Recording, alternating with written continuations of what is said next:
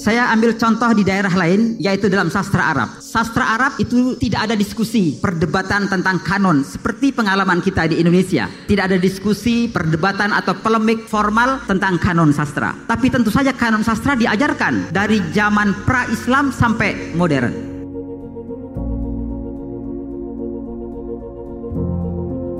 Maka dalam pendidikan, dalam jurusan-jurusan sastra Arab, sastra Arab diajarkan dari zaman pra-Islam sampai sekarang yang dipelajari misalnya sejarah sastra Arab, At-Tarikhul Adabil Arabi. Lalu setelah sedemikian rupa diajarkanlah karya sastra kanon pada masa pra-Islam. Ada Al-Mu'allaqatus Sab'un, ada Al-Mu'allaqatus Tis'un, ada Imra'ul Qais dan lain sebagainya. Hampir semua siswa atau mahasiswa Arab akan mengenal nama-nama ini karena ini dianggap kanon dalam sastra Arab.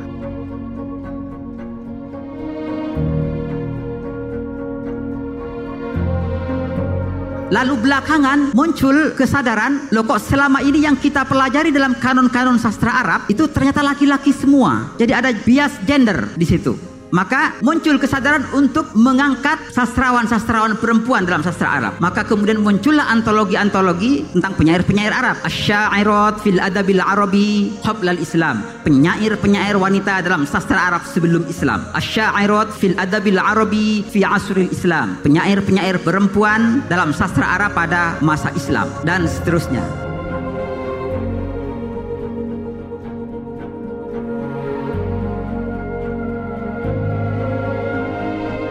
Tapi begitu pun meskipun sudah ada revisi dan lain sebagainya, sejauh yang saya tahu tidak ada polemik yang secara intelektual menarik seperti terjadi di barat terutama di Amerika. Yang muncul hanya antologi-antologi misalnya Ajmalul Kutub fil Adabil Arabi, karya-karya atau buku-buku terbaik dalam sastra Arab atau Ashharul A'mal fil Adabil Arabi, karya-karya paling terkenal dalam sastra Arab. Tidak ada perdebatan tentang kanon. Jadi kalau mau direvisi ya direvisi saja. Nah, ini nggak ada perempuan ya kita cari penyair-penyair perempuan sehingga penyair-penyair perempuan kemudian dikenal, diteliti bahkan penyair-penyair perempuan dari pra-Islam. Islam itu datang awal abad ke-7. Jadi penyair-penyair Arab sejak abad ke-6.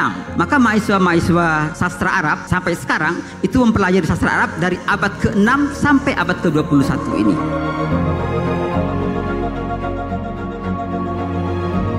Saya meng mengambil itu untuk perbandingan bagi kita. Usia bahasa Indonesia, eh, ini tentu saja biasa di kalangan linguis akan ada perbedaan kapan bahasa Indonesia lahir, tapi untuk gampangnya kita ambil saja tanggal 28 Oktober 1928. Kira-kira awal abad ke-20 maka sastra Indonesia modern juga kira-kira awal abad ke-20, kalaupun agak longgar sedikit kira-kira akhir abad ke-19. Jadi sampai sekarang usia sastra Indonesia itu satu abad lebih sedikit.